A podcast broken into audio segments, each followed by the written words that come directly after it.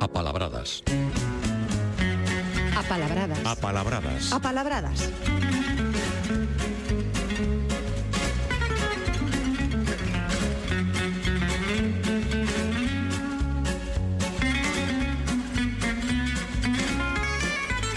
Un sábado máis as apalabradas chegan da man de Paulino Novo. Moi bos días. Que tal, bos días. Palabras, por certo, que veñen moi, moi abrigadiñas no día de hoxe, aínda que pensando ben, vas utilizar o verbo esfolar e digo eu quedan un pouco a intemperie. Eh, sí, é sacar a capa, sí.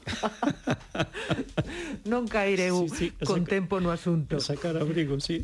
Pois eh, isto o abrigo com... natural. Claro, isto comentámolo porque nos vas falar do verbo esfolar que significa sacar a pel, pero que usamos sobre todo con outros significados figurados porque sacar a pel dá xogo para entendelo de moitas de moitas formas. Sí, sí, dá, dá moito xogo figurado, sí.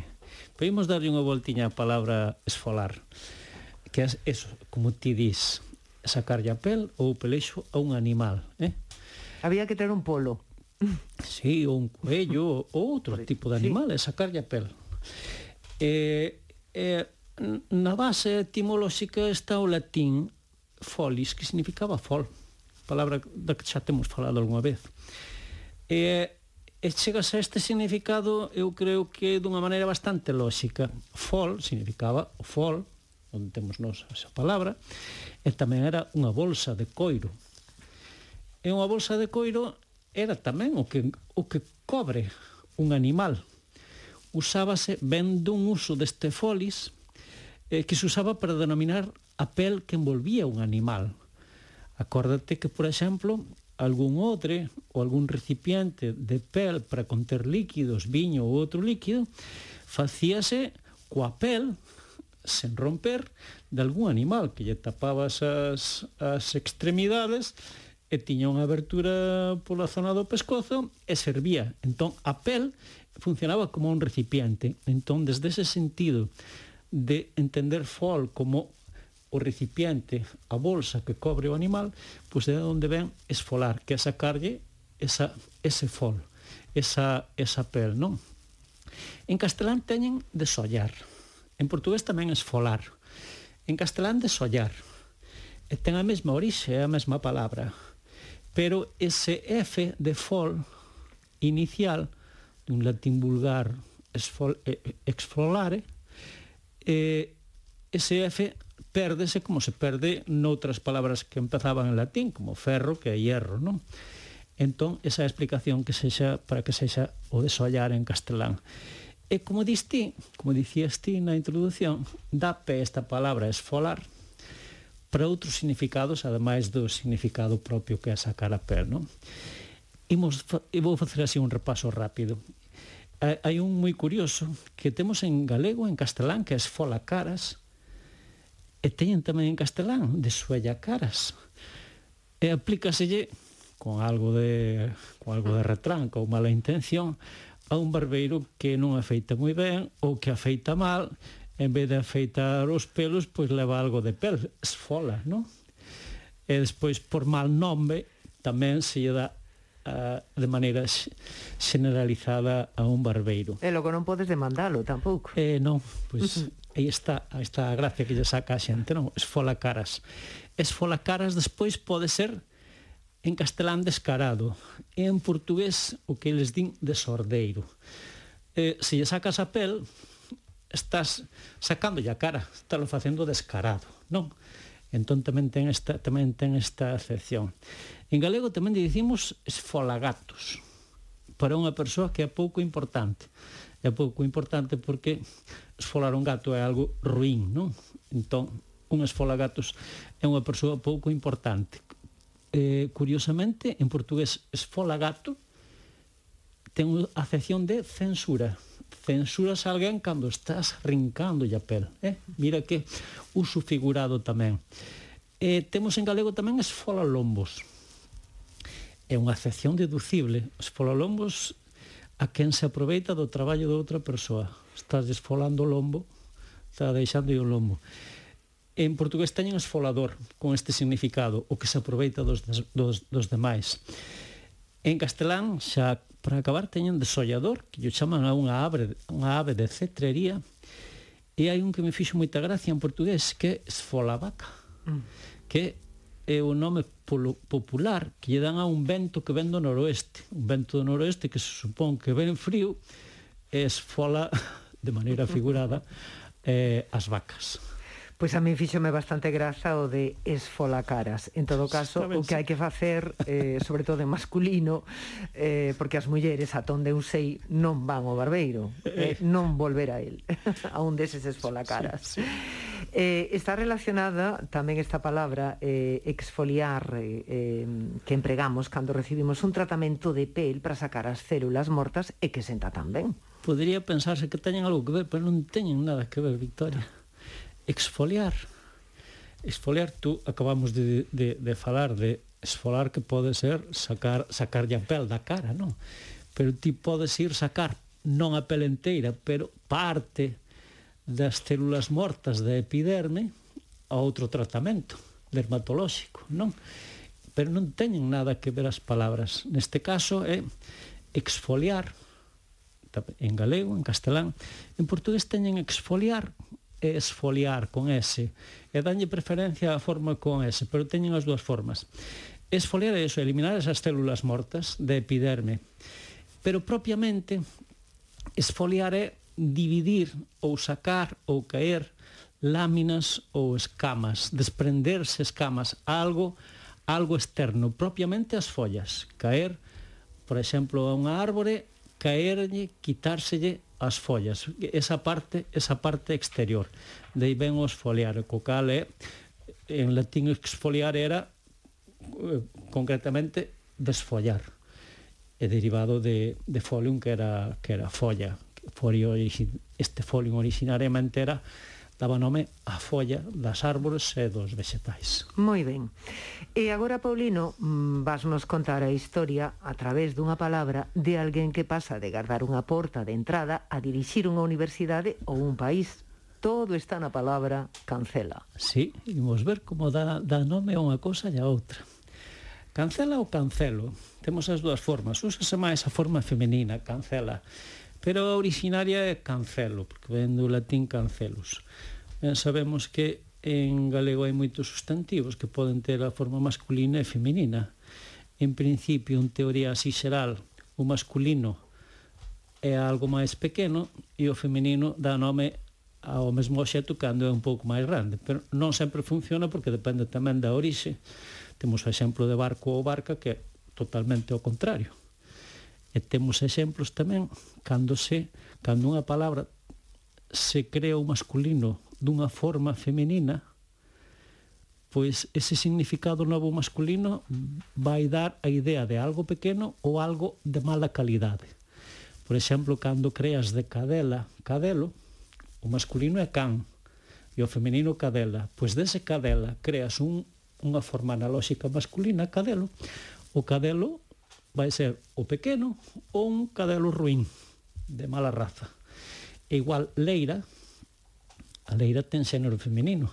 E cando creas un analóxico masculino leiro, é para denominar unha parcela pequena ou de terra de mala calidade. Eh? Pero bueno, volvemos outra vez a cancela e o cancelo. E en latín o cancelus era, non era a porta, era unha reixa ou unha celosía, onde hai barras cruzadas uh -huh. ou, ou paus. Eh?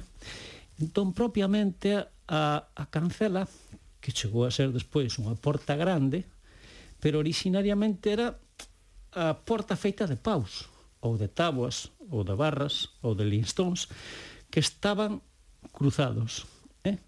que estaban atravesados. E esa porta pois, que daba, era para unha casa ou para, ou para, unha, para unha leira. Non? E deste cancela, o cancelo, temos en galego o cancelario, o derivado.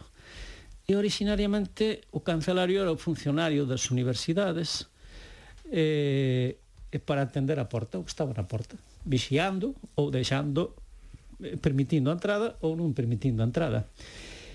E pasa a porteiro tamén. Porteiro que está na porta, que entendemos claramente, pero depois porteiro chegou a denominar tamén un funcionario subalterno dun, dun concello, non? Pois cancelario era igual, o que estaba na porta, o que pasa é que dai foi, foi subindo. E cancelario pode ser tamén un funcionario dunha embaixada, dun consulado, ou funcionario da, da Santa Sé. No caste, en, en América, por exemplo, pode ser un reitor dunha universidade. E pois ainda temos o chanceler ou cancillar en castelán, que é a mesma palabra, Pasa que, en vez de tomala directamente do latín, tomámola vía do francés. De chan chancelier e chancelier en francés tiña o mesmo significado que o noso cancelario. E tamén tivo a mesma evolución. Pasou de ser a persoa que garda unha porta a, nalgúns países, un ministro en algúns países un primeiro ministro. Pregúntome eu tamén se pode ter algún tipo de relación, por exemplo, co cárcere con alguén que traballe, non. Non, non é outra palabra mm. distinta. Pero vale, sí vale. que ten que ver unha palabra que usamos moito, Victoria, Cal. que é cancelar. E ten unha explicación moi curiosa que imos entender facilmente. Cancelar é anular, non? Eh, cancelar en latín era propiamente dar forma de reixa ou facer unha marca nun papel en forma de reixa, que ven sendo unha forma de reixa, casi como un xe, non? Como X, mm. non? Entón, originariamente, para chegar cancelar o significado de anular, de anular previamente tivo un significado anterior que era facer nun escrito unha marca como se fora unha reixa, como se fora un xe. Entón, está marcado cunha reixa, está anulado, está cancelado. Na actualidade o que cancelamos habitualmente son citas, por exemplo, tamén, a cita médica. Tamén, tamén, tamén anulas. Anulamos. Eh, que sempre, por certo, está moi ben chamar, que é algo que agradecen logo todos os profesionais. Por suposto, eh? sí, O que non se sí. pode deixar que pase a cita e eh, eh, que che sí, garden o oco, sí, verdad, sí, eh, non aparezas. Sí. Eh? E eh, para rematar, Paulino, como sempre, pois unha palabra pouco coñecida. Hoxe traes unha que ti dis que non che gusta, polo que significa, pero como temos que ter palabras para todo, todo, pois tamén hai que falar delas. Foira, a mí non me soa tan mal. No, verdad, eh, si a palabra tal como foira non soa fea, pero o que significa non é, non é agradable. A ver. O que pasa é que, efectivamente, hai que falar das palabras e aquí como temos que traer moitas, pois ás veces tocan ás veces tocan palabras de flores bonitas, eh, de poesía, e ás veces traio algunha destas que hai que... Foira. Que, que hai que falar dela tamén, foira. Foira é a diarrea, ou é o excremento líquido e tamén por extensión é a sucidade. Eh? Por eso dicía eu que é unha palabra, hmm. bueno, non agradable. E temos, moi, temos bastantes derivados en galego. Temos esfoirado, por exemplo, que é a persoa que ten unha diarrea, ou foirica, ou foirón, para a persoa que ten medo. Neste caso, facemos igual que con cagón. É a persoa que, que é medrosa ou que é cobarde, non? porque o medo pode relaxar certos esfínteres, non? Estamos falando de cosas desagradables, intentamos falalo, facelo da maneira máis suave, non? Entón a foirica no, o foirón non, non somos escatolóxicos, é o que te, é eso, é o que é o que ten medo tamén, eh? E galego hai máis tamén o verbo esfoirar, que é evacuar. E ten figuradamente o significado tamén de derrubarse unha parede ou de desfacerse algo. Son significados facilmente deducibles. E ben do, do latín foria, que xa tiña tamén este significado.